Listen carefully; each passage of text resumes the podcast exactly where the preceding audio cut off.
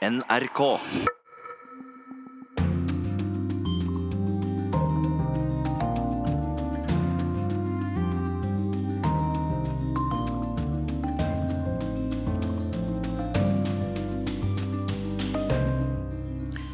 Velkommen til Urix på lørdag. Vi tar straks inn vår Midtøsten-korrespondent for flere informasjoner om at IS-styrkene skal være i ferd med å forlate det de har kalt sin hovedstad i Syria. Østerrike kan få Europas yngste statsminister i morgen. Britene vil ha sin fish and chips, men brexit kan skape trøbbel for tilgangen på fisk. Ett år har Thailand sørget over sin avdøde konge. Først nå skal han kremeres. Når sørgetiden er over, kan de politiske konfliktene blusse opp igjen. Hva har fotball og gammelt kukjøtt med politikk å gjøre? Det forteller podkasten om Catalonia denne uka. Og i korrespondentbrevet blir vi med Anders Magnus til det lutfattige og orkanherjede Puerto Rico. Overalt i verden hvor jeg har møtt mennesker som er rammet av katastrofer, har det slått meg hvor lite de har klaget. Fattigfolk har alltid klaget minst. Vi hørte i Dagsnytt at syriske IS-krigere forlater Raqqa, byen de har erklært som sin eh, hovedstad. En talsmann for de kurdiske styrkene sier byen kommer til å bli frigjort i dag eller i morgen. Men Midtøsten-korrespondent Kristin Solberg, eh, det kommer jo mange informasjoner, ofte motstridende, i Midtøsten, og i hvor stor grad kan vi stole på disse opplysningene? Ja, opplysningene om bussene som har ankommet Raqqa i morgentimen i dag, kommer fra ganske mange forskjellige hold nå. Både aktørene i kampen om byen snakker om evakuering av, av IS-krigere, og også uavhengige observatører. Både sy syriske observatører for menneskerettigheter og aktivistgruppen Raqqa is being slaughtered silently melder om at det skal være en evakueringsavtale mellom den amerikanskledede militsen på den ene siden og IS på den andre. Men det er ikke mange detaljer om hvilke IS-krigere det er eh, snakk om. Eh, syriske observatører for menneskerettigheter sier at eh, alle de syriske IS-krigerne allerede har forlatt byen, om at det nå er snakk om de, at dette er de utenlandske krigerne som, som eh, evakueres ut. Men uansett så tyder disse rapportene på at, at IS-siden i kampen om byen er i ferd med å, å rakne helt, og at det nok ikke vil ta veldig lang tid før den amerikanskstøttede militsen erklærer erklærer seier. Og til og med en evakueringsavtale skal være inngått, som du nevnte, Kristin Solberg. Men hvilke styrker er det nå som har drevet IS bort fra Raqqa? Ja, det er den, uh, sy det er den amerikanskstøttede militsen uh, syriske demokratiske styrker, som er en paraplyorganisasjon med, med, flere ulike militser, hovedsakelig kurdiske, men også arabiske. Den kurdiske YPG-militsen er en del, en del, av dem. De sier i dag at de kommer til å, til å gjenerobre Raqqa enten i, i dag eller i morgen. Eh, det kan nok tenkes at det tar litt lengre eh, tid, men det er nok eh, like rundt hjørnet. Og denne militsen da støttes av den amerikanskledede koalisjonen mot IS, som, som bl.a. står for, for, luftangrep. og Det har vært viktig for, for, militsen i kampen om byen, men det har også ført til, til ganske betydelige sivile tap i Raqqa. De sorte IS-flaggene har jo vaiet over Raqqa. Det har vært erklært som IS' eh, hovedstad. Det har vært mye mystikk rundt byen, vi har ikke visst hva som har foregått. Hvor viktig har den vært for IS? Ja, den, den, har vært svært viktig. Betydningen av Raqqa kan, kan, nesten ikke overdrives. Det var jo deres erklærte, eller deres selverklærte eh, hovedstad. Eh, var symbolsk viktig i, i, kalifatet. og Det var også sentrum for eh, operasjonene i, for IS i Syria. Et sted der lederskapet deres var, og et sted der de planla angrep eh, i, i, utlandet. slik at ingen andre byer IS har hatt kan sammenlignes i betydning eh, med Raqqa, eh, bare med unntak av Mosul, som de jo mistet i, i, sommer. Og Med så mye tapt terreng og så store nederlag rett etter hverandre, så kan man si at det snart ikke lenger at IS snart ikke lenger kan, kan kalle seg en stat eller en, en kalifat, selv ikke for sine egne støtter støttespillere. Mange takk skal du ha, Kristin Solberg, vår Midtøsten-korrespondent.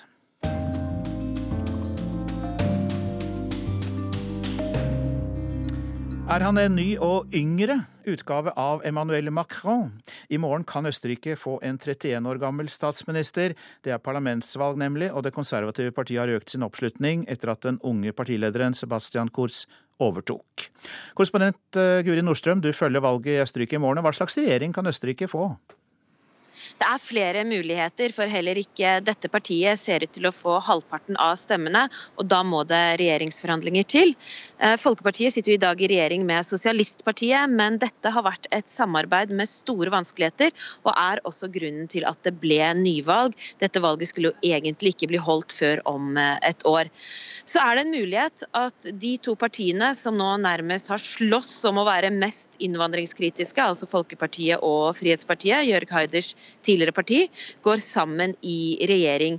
Det har de gjort to ganger tidligere, siden 1945, og de fleste ekspertene tror det kan bli en såkalt blåsort eh, koalisjon. Og Det er da to partier som ønsker en langt strengere innvandringspolitikk enn det Østerrike har hatt de siste årene. Hva er grunnen til at høyresiden styrkes? Innvandring, integrering og islam har preget denne valgkampen. og Det er også noe mange østerrikere er veldig opptatt av. Etter migrantkrisa i 2015 så har de vært på topp i Europa når det gjelder antall asylsøkere i forhold til innbyggertallet. Dvs. det vil si at Siden da så har 150 000 mennesker søkt asyl i Østerrike, som selv har 8,75 millioner eh, innbyggere. Og Den eh, sittende regjeringen de blir av mange beskyldt for å ikke jobbe godt nok med integreringen, for at de har kranglet om hva de skal gjøre og blokkert hverandres tiltak. Og Derfor har altså høyresiden blitt så styrket i valgkampen. Blir reaksjonene like sterke i EU-landene som sist, altså perioden 2000 til 2007, da Frihetspartiet på ytre høyrefløy, FPØ, var med i regjering? Det er ingen som venter at EU vil innføre sanksjoner mot Østerrike, slik som de gjorde sist gang Frihetspartiet var i regjering i 2000. Eh, Men det at eh, et parti som både er euroskeptisk og innvandringskritisk, kan bli det andre største partiet her, det blir jo sett på som nok et bevis på at det går en ytre høyrebølge over Europa. Og Det er en virkelighet som EU-landene både må og allerede har tatt eh, inn over seg. Hvis det blir en koalisjon mellom Folkepartiet og Frihetspartiet, så er de enige om å begrense innvandringen og skattene og få et mer strømlinjeformet EU, som da fokuserer på kjernesaker som handel og sikring av yttergrensene. Folkepartiet ønsker også å få et felles europeisk forsvarssamarbeid, men det er noe Frihetspartiet ikke ønsker. Frihetspartiet har heller sagt at de ønsker en folkeavstemning om EU dersom de gir mer makt til Brussel, og dersom Tyrkia kommer inn i eh, unionen. Korrespondent eh, Guri Nordstrøm følger altså valget i Østerrike, og som vi hørte, innvandring og islam er viktige saker i valgkampen. Samtidig er den politiske kulturen i Østerrike preget av storkoalisjoner og intern maktbalanse. Men eh, det er i ferd med å endre seg, for denne valgkampen har vært uvanlig skitten. Men først tar vi et historisk tilbakeblikk.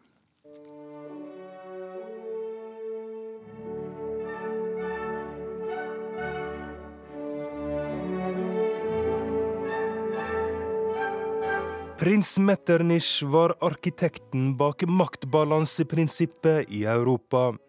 Han var mannen som stabiliserte Europa etter napoleonskrigene. Snart 150 år seinere har Østerrike fått en ny politisk stjerne på den politiske himmelen. En sjarmerende 30-åring med slimfit-dress og sleik som får svigermor til å dåne.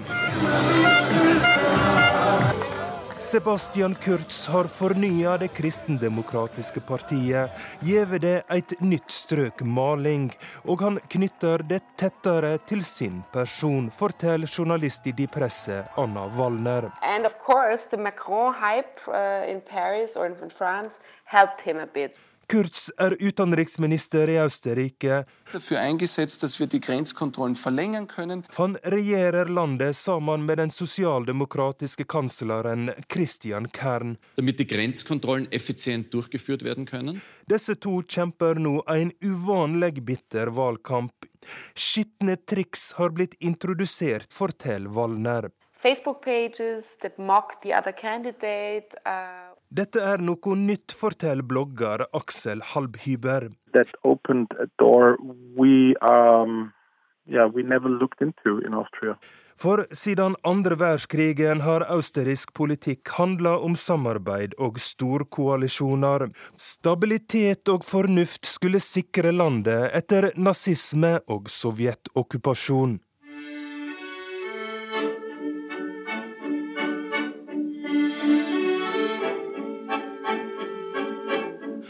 Men på 90-tallet kom en mann med tyrolerhatt og lederhosen inn på den politiske arenaen.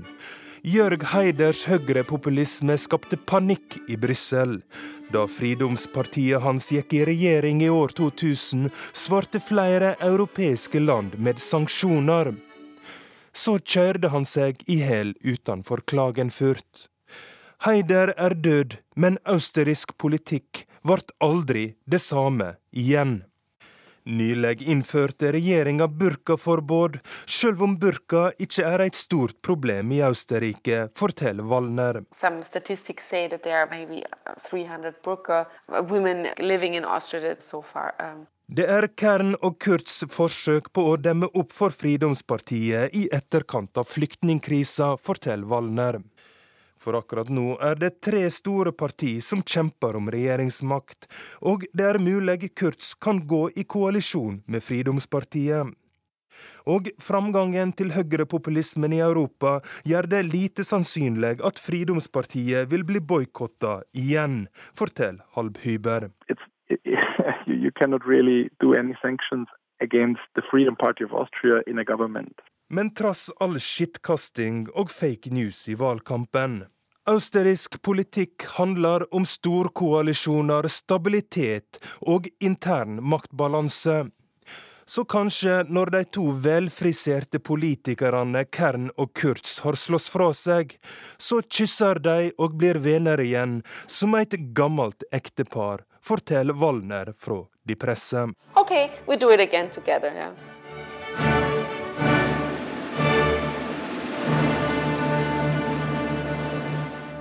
Og reporter var Roger Severin Bruland.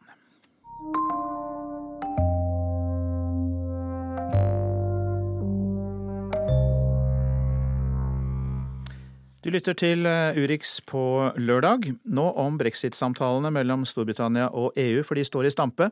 Man er ikke enig om pengene i skilsmisseoppgjøret. Under EU-toppmøtet neste uke skulle man etter planen gå videre til å forhandle om en handelsavtale mellom Storbritannia og EU, men det er utsatt til nærmere jul. Brexit får også konsekvenser for norsk fiskerinæring. Britenes nasjonalrett Fish and Chips kan havne midt i dragkampen om fiskekvoter mellom Norge, Storbritannia og EU etter brexit. Og nå skal vi til Storbritannia, der det blir fortært 380 millioner måltider fish and chips hvert år. Friday is fish and chips day. And years ago we used to eat it out the paper. Fredag er fish and chips dag, og i gamle dager ble den servert i avispapir, sier Sina Rogers. Hun har bursdag, og sammen med en venninne har hun tatt turen til en fish and chips ved Spitterfields Market på østkanten i London. Bak disken står frityrgryta og koker. Her får fisken, som vanligvis er en torsk eller hysefilet, en omgang, etter først å ha blitt smurt inn i en slags smørdeig. Potetbåter blir det chips av, og sammen blir det fish and chips, som helst skal toppes med salt, ketsjup og eddik.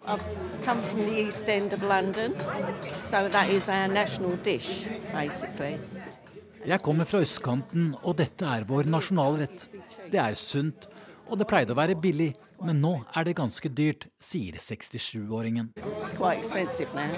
Det spises 380 millioner fish and chips-måltider i Storbritannia i året.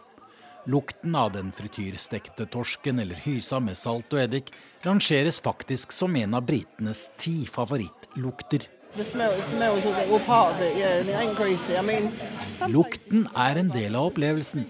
Jeg synes ikke det er for fett, men smøret må være godt og sprøtt, sier Iris Childs. Det finnes over 10 000 fish and chips-sjapper i Storbritannia. Mange av disse butikkene er avhengig av import av norsk torsk og hyse. I fjor solgte Norge fisk til Storbritannia for 5,7 milliarder kroner. Som en følge av brexit kan markedstilgangen for norsk fisk bli et forhandlingstema. For å forklare det må vi reise en tur til Skottland. 120 choice, 120 pick, 122, here we go, four. Det er grytidlig på fiskemarkedet i Peterhead. En kasse torsk går for drøye 1000 kroner. Adam Wiseman kom inn med 1000 tonn makrell, og nå pumpes fiskene over til mottaket via store rør fra båten. Skotske fiskere ønsker å fiske mer fisk etter at Storbritannia går ut av EU. De vil ha tilbake kvoter som de føler gikk tapt da Storbritannia gikk med i EU for 44 år siden. We, we expect that. The fishermen expect that. Um, as most of our fishing's done in our own waters, uh, we expect to have a better share. Våre forventninger er ganske store. Vi ønsker oss en større del av makrell- og sildefiske, sier Wiseman i Lunar Fishing. 15, 20, 520, 540, 50. Etter at Storbritannia forlater EU, skal det forhandles om fisken i Nordsjøen på nytt. Forhandlingene blir trolig mellom tre parter. EU, Storbritannia og Norge i en såkalt trepartsavtale. Det vil dreie seg om kvoter, men markedstilgang kan også bli et tema. På sitt kontor i Oslo sitter fiskeriminister Per Sandberg. Fisk for markedstilgang vil han ikke være med på. Når det gjelder forhandlinger i forhold til dette med kvoter og markedsadgang og sånne ting, så ligger norsk politikk fast. Vi, vi har aldri eh, forhandla på den måten at vi gir kvoter opp imot markedstilgang. Eh, så det kan jo man si fra med en gang. Selve skilsmissen mellom Storbritannia og EU står akkurat nå i stamp. Slik at ingen vet helt nøyaktig når og hvordan fiskeforhandlingene med Norge vil bli. I maskinrommet på fiskefartøyet Harvest Hope står skipet James Steven. Han håper den norske fiskeriministeren har noe å gi likevel.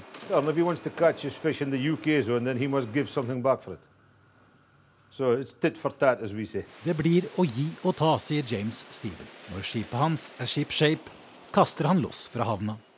Øyvind Nyborg, Peterhead, Skottland.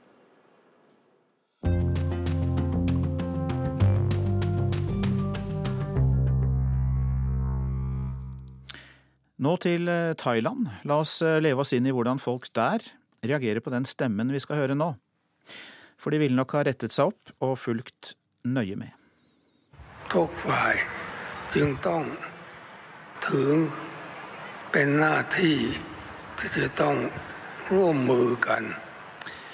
I går var det ett år siden han døde, 88 år gammel, kong Bumipol Adunjadei. Han har ligget på paradeseng i ett år mens landet har uh, sørget.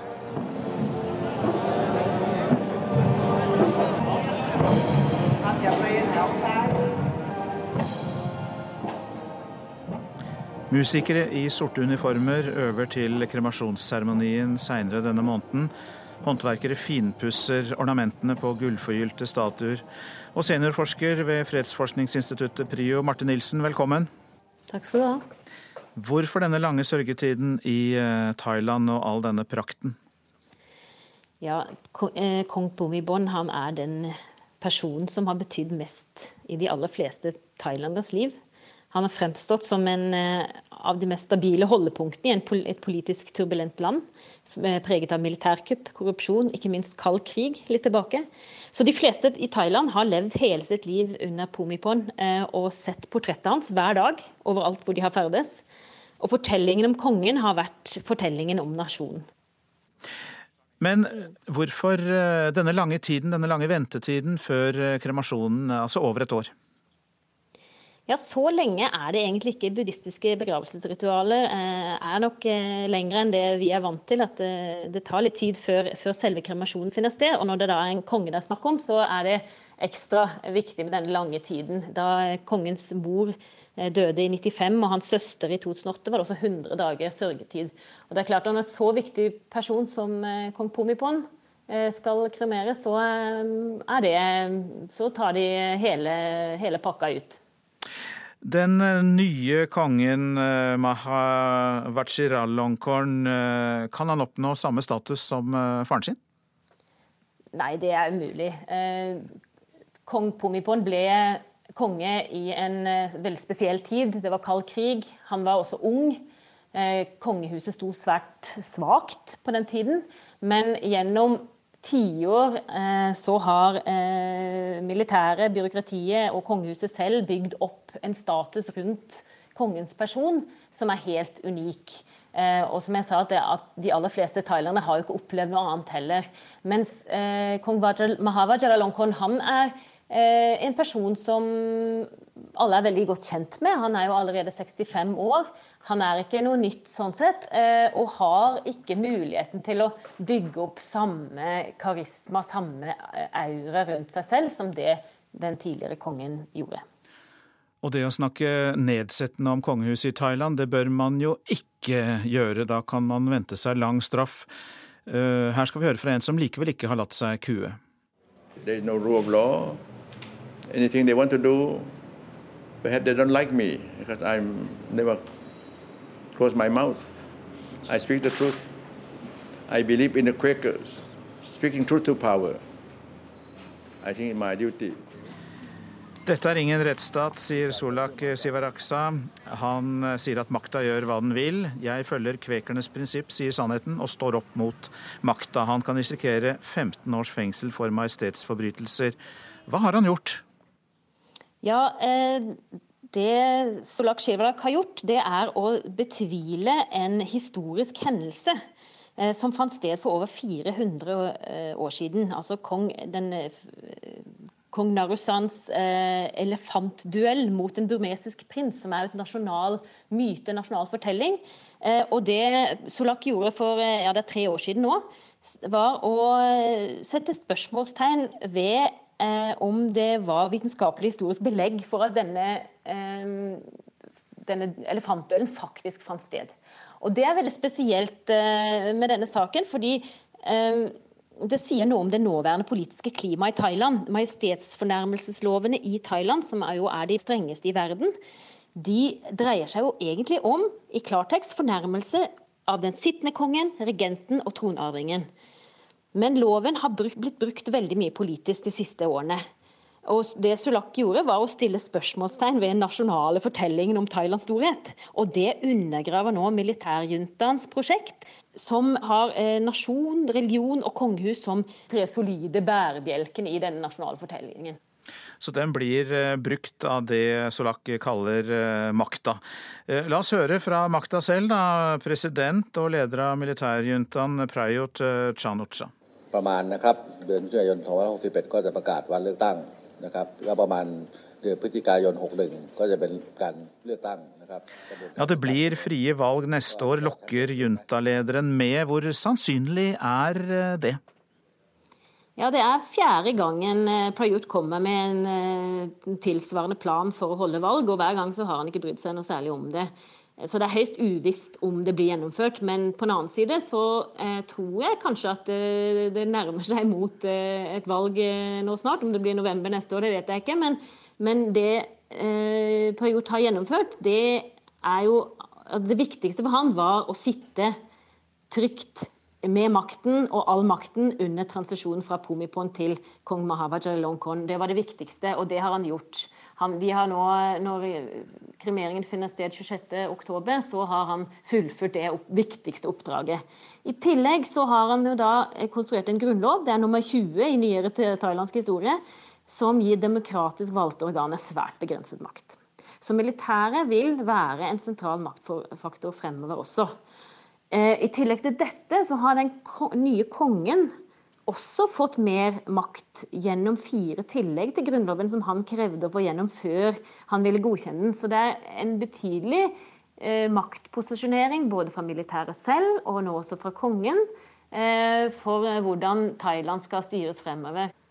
Så disse endringene betyr at det kan være vanskelig å kalle Thailand et demokrati selv etter et valg eventuelt neste år? Ja, det blir eh, kanskje mer sånn som vi har det i Myanmar, i nabolandet nå. At man eh, kan vel mer kalle det en demokratiseringsprosess mer enn et, eh, et demokrati. Der også sitter jo eh, militæret eh, med mye, mye makt. Men eh, nå er transisjonen gjennomført. Og politikken vil igjen bli mer turbulent, slik vi har sett de siste ti årene. Det sa altså Martin Nilsen, forsker ved PRIO. Den viktigste nyheten i dag er at syriske IS-krigere forlater byen Raqqa i Syria. Den USA-støttede militære koalisjonen som har kjempet mot IS, opplyser at 100 krigere har overgitt seg i løpet av det siste døgnet. Raqqa har siden 2014 vært hovedstaden i IS' såkalte kalifat. Men nærmere 80% av byen skal nå være under kontroll av koalisjonsstyrkene. IS kommer til å tape hele byen i dag eller i morgen, det hevder de syrisk-kurdiske YPG-styrkene.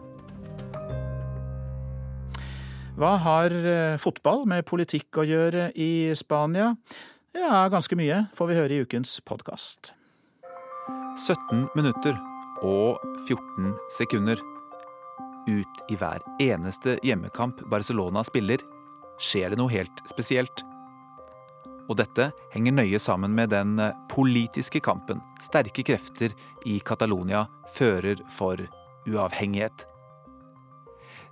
Det ble ikke noen direkte uavhengighetserklæring i denne omgangen, men konflikten mellom dem og sentralregjeringen i Madrid er fortsatt veldig spiss.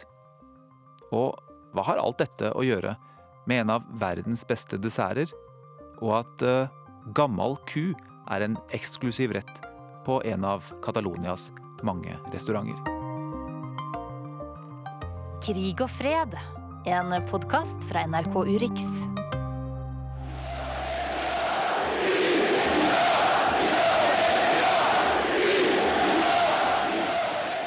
Men 17 minutter og 14 sekunder ut i første omgang så ropes det taktfast fra nesten alle på stadion. In, in det, independencia. Og det er taktfast, og det runger ca. et minutt fra 17.14. Og det er ikke tilfeldig. Mitt navn er Jostein Moen. Jeg er forfatter av en bok om Norge og den spanske borgerkrigen som kom på Gyldendal i 2009, eh, som heter 'Tusen dager Norge og den spanske borgerkrig'. Du er i eh, Barcelona nå. Du er eh, fan av Barca. Du følger dette fotballaget tett. Både politikken og også det som foregår ute på, på gresset. Og mitt inntrykk er at det er veldig få steder i verden hvor eh, politikk og fotball er så tett forbundet som i uh, Catalonia, kanskje også i, Spania, men særlig, særlig Barcelona. Og, og hvor, hvor, stammer dette egentlig fra? Det skyldes jo bl.a. 40 års diktatur. Altså, Etter den tragiske borgerkrigen som varte i 1000 dager, og Francos seier med støtte fra Hitler og Mussolini, så var det jo 40 år med diktatur i Spania under general Franco. Og, og på den eh, Eh, man undertrykte jo da selvstendigheten i de eh, regioner som Catalonia. Man, man forbøy språket. Barcelona måtte skifte navn fra FC Football Club Barcelona til CF, altså Club de Football, som var spansk. Barcelona. Og man, man, man, var på en måte Fotballbanen ble en arena for, ut, for demokratiske tendenser, for det katalanske språket, for flagget osv. Slik at de siste 75 årene så har FC Barcelona vært en, en del av en slags demokratisk kultur, vil nok mange si, i, i Catalonia. De er veldig stolt av den kampen mot Franco. Og i den kampen mot Franco så er det ingen tvil om at kongens lag, og for så vidt også Francos lag, var jo Real Madrid. Det betyr ikke at dagens Real Madrid er fascister på langt nær, men, men, det var ingen tvil om at det var en dimensjon der med sentrum-periferi, Barcelona, Madrid, Real Madrid og FC Barcelona som har ligget latent under diktaturet, og som fortsatt er faktisk en faktor når det gjelder den politiske fotballen i, i, i Spania. Og hvordan er det nå, i den akutte situasjonen som Barcelona og Catalonia står oppi? Det mest eh, synlige nå i det helt siste, det er jo at um, Gerard Piquet, som er uh, en bauta i midtforsvaret til, til, Barcelona, og også det spanske landslaget, han, han, er en, han er jo en politisk aktivist, og har vært det lenge. Eh, og han har jo blitt utsatt for ganske tøff hets fra, fra, publikum, både under treninger og kamp med det spanske landslaget.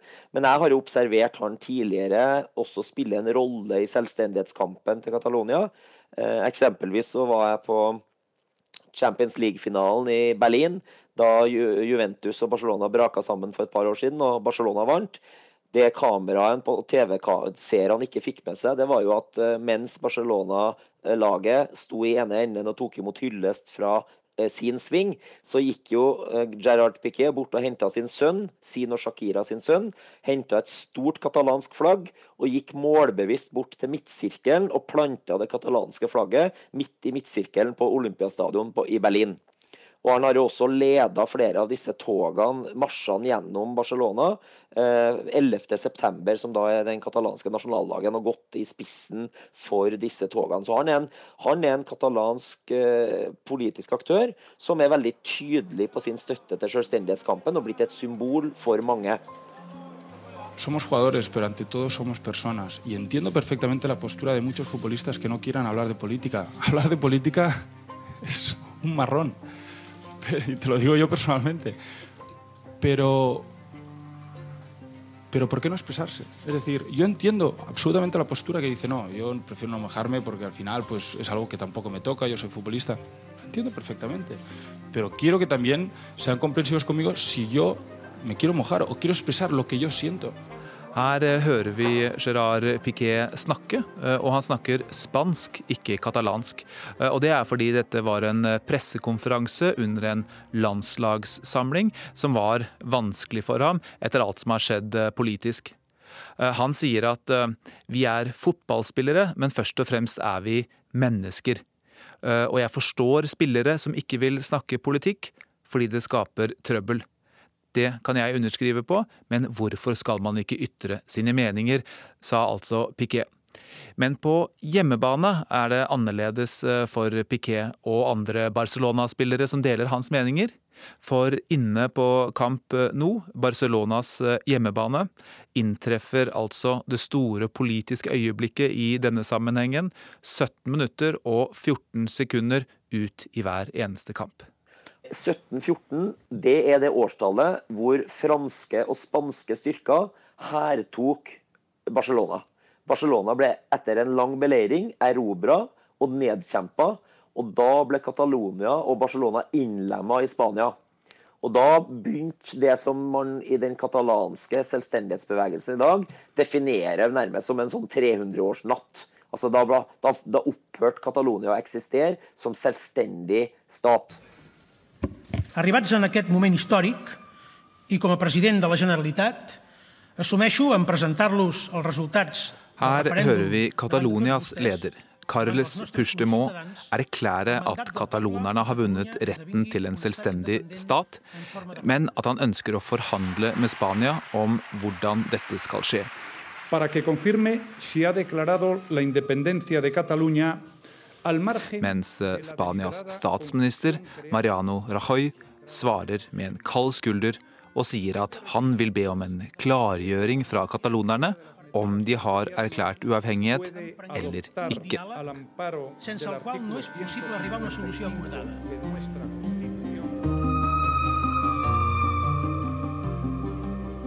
Men er det noen som frykter at det da eh, kan blusse opp igjen, eh, ut i en, i en ordentlig voldelig konflikt?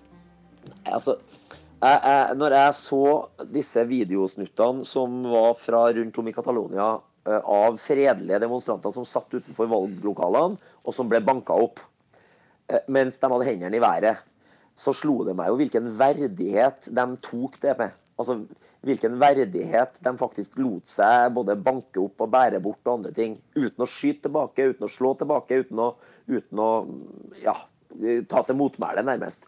Og, og, mm, den delen av Spania som har en, eh, som har en tradisjon for væpna motstand mot sentralmakta, det er jo baskerne. Baskeland, Baskeland, hvor du hadde ETA og hvor du hadde terror eh, som et virkemiddel i mange mange tiår. Her er det ingen i, i Barcelona, så føler jeg at det er en fredelig protest. Men det fins jo fotballhooligans og militante grupperinger her også. slik at hvis politiet og militæret nå agerer militant igjen, så vil jeg tro at du kan få sammenstøt, rett og slett. Eh, men, men at, det blir, at det eskalerer til noen form for borgerkrig, det mener jeg er utenkelig. Og eh, som et enkeltelement i identiteten deres, eh, hva vil du si er, er viktigst hvis du, hvis du treffer en, en, en, katalaner og han skal definere seg selv? Hva, hva, er det som da kommer opp? Er det FC Barcelona, eller er det f.eks. maten? Ja, det, altså, altså, det er jo Altså, du har jo en kombinasjon av, av arkitektur, mat, fotball, som er, som, som er en slags eh, Som utgjør en veldig viktig ingrediens da, i, i, i, den katalanske identiteten, tror jeg. Men det er stolthet rundt alt eh, det katalanske. Eh, rundt den historiske rollen katalonere har hatt, rundt kampen mot diktaturet, kampen eh, Eh, for selvstendighet nå for mange. Det er en slags stolthet som er det som, som slår meg som mest, eh, som mest eh, i, i øynefallende da, når du snakker med, med, med, span, med katalanere. Du hører på Krig og fred, en podkast fra NRK Urix.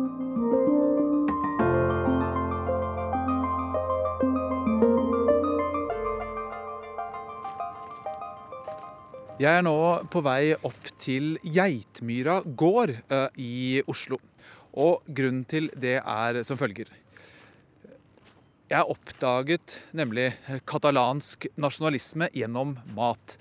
Uh, jeg bodde i Paris på den tiden, uh, og en av mine absolutte favorittdesserter trodde jeg var erkefransk, nemlig crème brulé. Men så hørte jeg at dette stemmer ikke. Dette kalles nemlig crema catalana, i hvert fall i Barcelona. Og Derfor tok jeg turen opp hit for å prøve å få svar på hvordan dette henger sammen. Hva er det denne disputten går ut på? Hvem var først? Ja, det er jo det Påstanden eh, til franskmenn er jo alltid at hvis det er noe de liker, så er det de som har funnet det på. Eh, det er eh, vel katalon, katalanernes eh, utgangspunkt er vel at, at, det er deres versjon av flan, en slags sånn karamellpudding. Men da med et, et sånn hardt karamellokk oppå. Og jeg skal ikke si hvem som var først, men det viktige med det er jo liksom det at, at det er at det brukes som en identitetsmarkør. Og egentlig alle spanjoler vil si at dette er en rett fra Catalonia.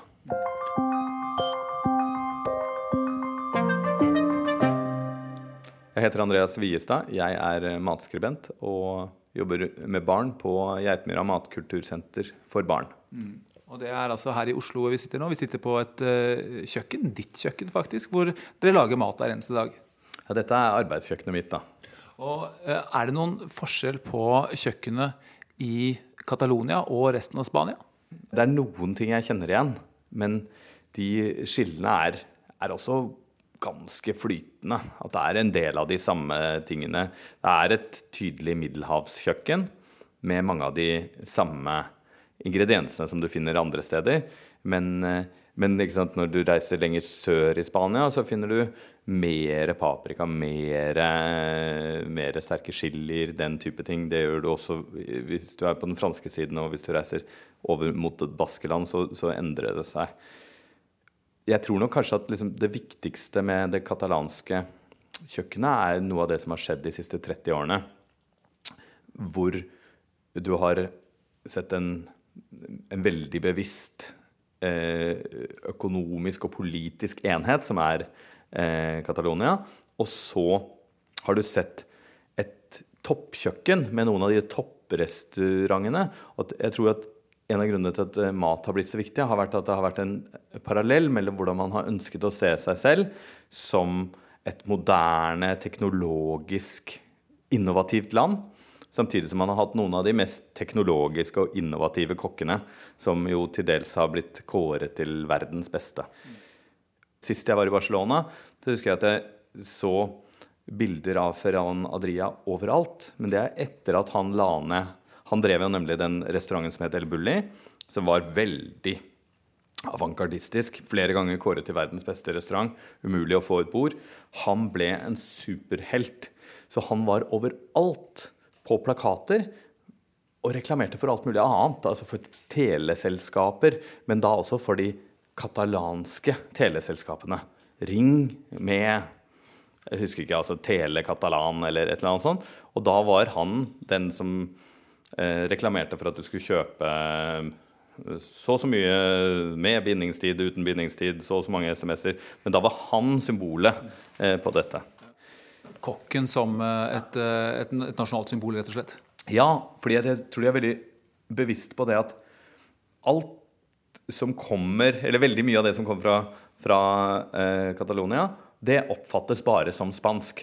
Men noen av kokkene har sagt nei, vi er ikke spanjoler, vi er katalonere. Så Ferran Adria han kunne jo både engelsk og spansk og, og flere andre språk. Men når, av og til når han skulle intervjues, så sa han nei, jeg kan bare jeg snakker bare katalansk. Du må intervjue meg på katalansk. Så det er sånne, Jeg har lest sånne absurde eh, intervjuer med han hvor, hvor han nekter å snakke annet enn katalansk. Så jeg møtte han en gang og var veldig i stuss over hvordan kommer det til å skje. Ja, det gikk helt bra, han snakker helt fint engelsk. Men det er liksom noen ganger så setter han opp de, de grensene. Og det har blitt lagt merke til. Men hadde du kommet fra Madrid, så hadde det kanskje vært litt vanskeligere? Ja, det tror jeg. Altså, da ville han kanskje heller insistert på å ha en, en tolk. Eller kanskje han da plutselig hadde snakket engelsk. País ha sigut el país que ha canviat el paradigma de la gastronomia al món. Gràcies al moviment que va néixer aquí. Og her hører vi Ferran Adria snakke katalansk og om betydningen av Catalonia for vestlig gastronomi. Og han gjør det i den katalanske avisen El Nacional. Det med at, at jeg tror i Norge har vi jo hatt idretten, som har gjort en liten nasjon til best i noe. I, i Catalonia så har de jo hatt det at, at, det har vært flere restauranter. At det er en sånn utrolig viktig del av liksom, kulturen, at man har dyrket det. Men at når de restaurantene blir anerkjent ute i verden, så er det også et tegn på at de er en selvstendig enhet med en egen identitet. Men også kanskje litt det at de er bedre enn resten av Spania. For det er vel litt også en slags sånn holdning om at de anser de andre som litt eh, slemme kolonialister, men også som litt bondske og mindreverdige. At, at den nasjonalismen der er litt i balanse mellom eh, det sjåvinistiske og det Uh, og det bare sånn selvhevdende. Derav også kanskje beskyldning da, fra andre steder i Spania om at de er uh, arrogante, uh, f.eks. Uh, og, og så tenkte jeg på en ting til. altså, Er det noen uh, matretter ved siden av denne crema catalana som du vil framheve som, som spesielt uh, katalanske? Jeg uh, husker en gang hvor jeg var i, i, Hvor jeg reiste litt rundt litt på måfå. og da havnet jeg på en, en restaurant som var den der typiske blandingen av det veldig moderne, med sånne rustflater som de bruker ganske mye av. Eh, og, og, samtidig så var det veldig tradisjonelt. Jeg tror det var i en gammel mølle de var opptatt av. Det var 600 år gammelt og det hadde kjempestor vinkjeller.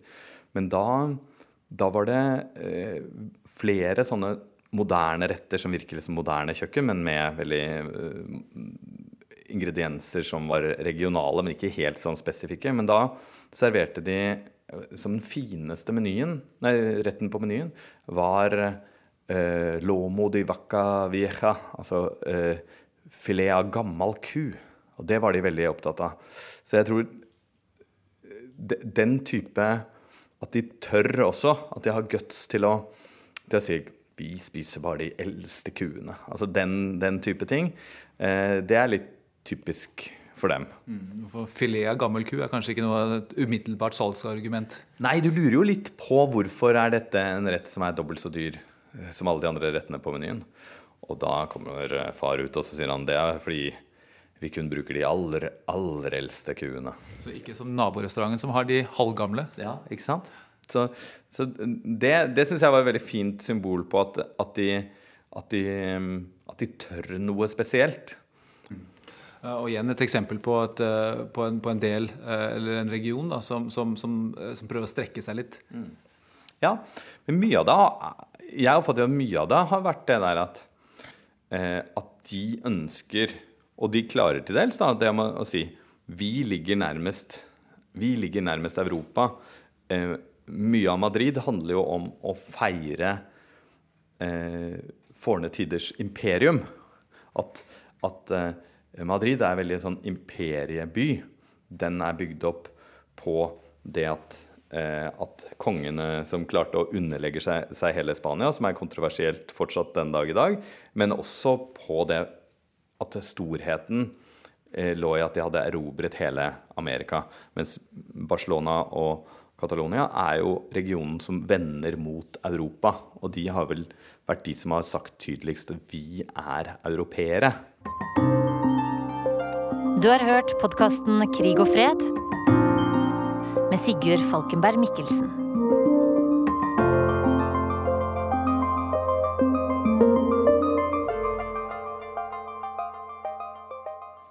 Dette er eh, Urix på lørdag. Irans president Hassan Rouhani har holdt en TV-tale der han beskylder USAs president Donald Trump for å komme med falske anklager og fornærmelser. Iran eh, vil forlate atomavtalen hvis den ikke tjener landets interesser, sa Rouhani. Og det var altså en reaksjon på Trumps uttalelser om at Iran ikke lever opp til den multinasjonale avtalen. Trump har tidligere truet med å trekke USA ut av avtalen, men han sa jo da i går at det likevel ikke kommer til å skje. USA innfører i stedet nye straffetiltak. Hensikten er å ramme den mektige iranske elitestyrken revolusjonsgarden. Og her skal vi høre korrespondentbrevet. Det er fra USA-korrespondent Anders Magnus. Vi får ta del i hans inntrykk fra besøket hos orkanofrene i Puerto Rico. Har du noen gang sett hjemmet ditt med et stort hull i taket? egentlig uten tak i det hele tatt. Noen bjelker står igjen og holder veggene så vidt sammen, men du vet at hele greia snart kommer til å rase sammen. Det har mamma og pappa fortalt. Mange ganger er det vanskelig å være journalist. Verst er det når barn har det vondt. Jeg har møtt mange av dem i krig og katastrofer. Vesle Angeles på sju år hadde ingenting å si da jeg spurte henne og mamma om hvordan det var å komme tilbake til huset etter stormen. Hun gråt stille og klemte seg enda tettere inn til den trygge voksenkroppen. Svar nok. Så løp hun ut av huset. Ut til venninnene, til lek, til glemsel. Det blir mye utetid framover. Skolen er stengt, og hjemme er det ingenting å være hjemme for. Maria har sørget for det, sammen med Irma. To sinte damer som feiet over Karibia og Florida den siste måneden.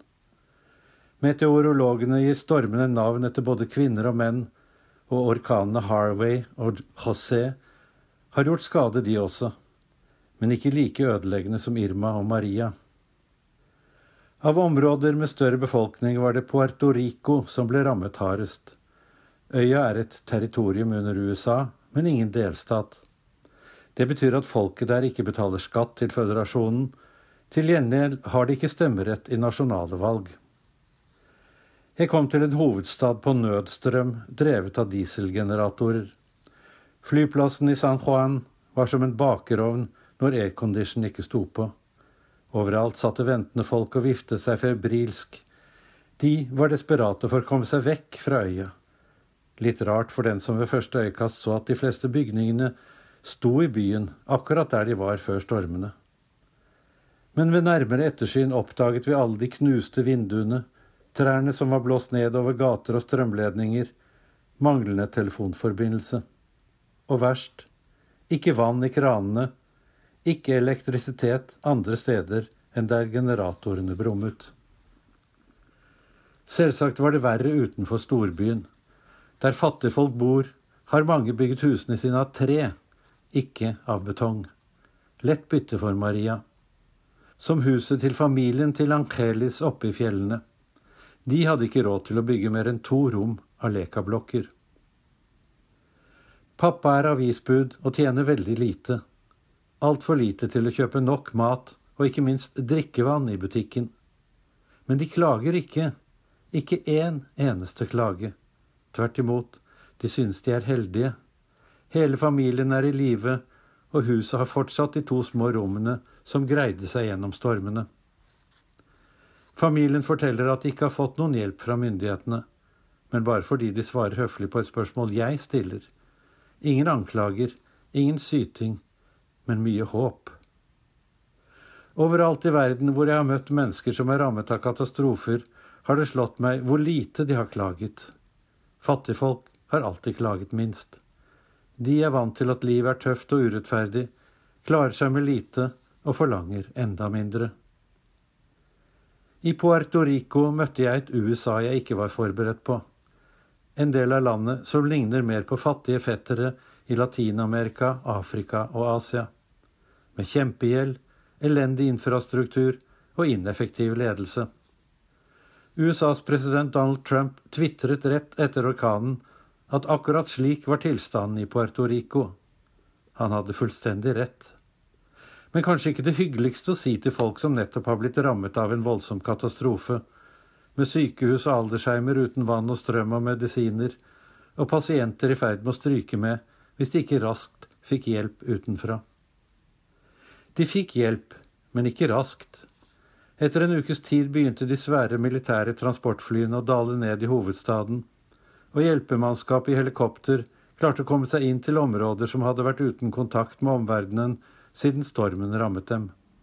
Men det gikk langsomt. Og fortsatt har flertallet dem som ble rammet, ikke fått den hjelpen de trenger. Puerto Rico har seg selv å takke, mener Trump.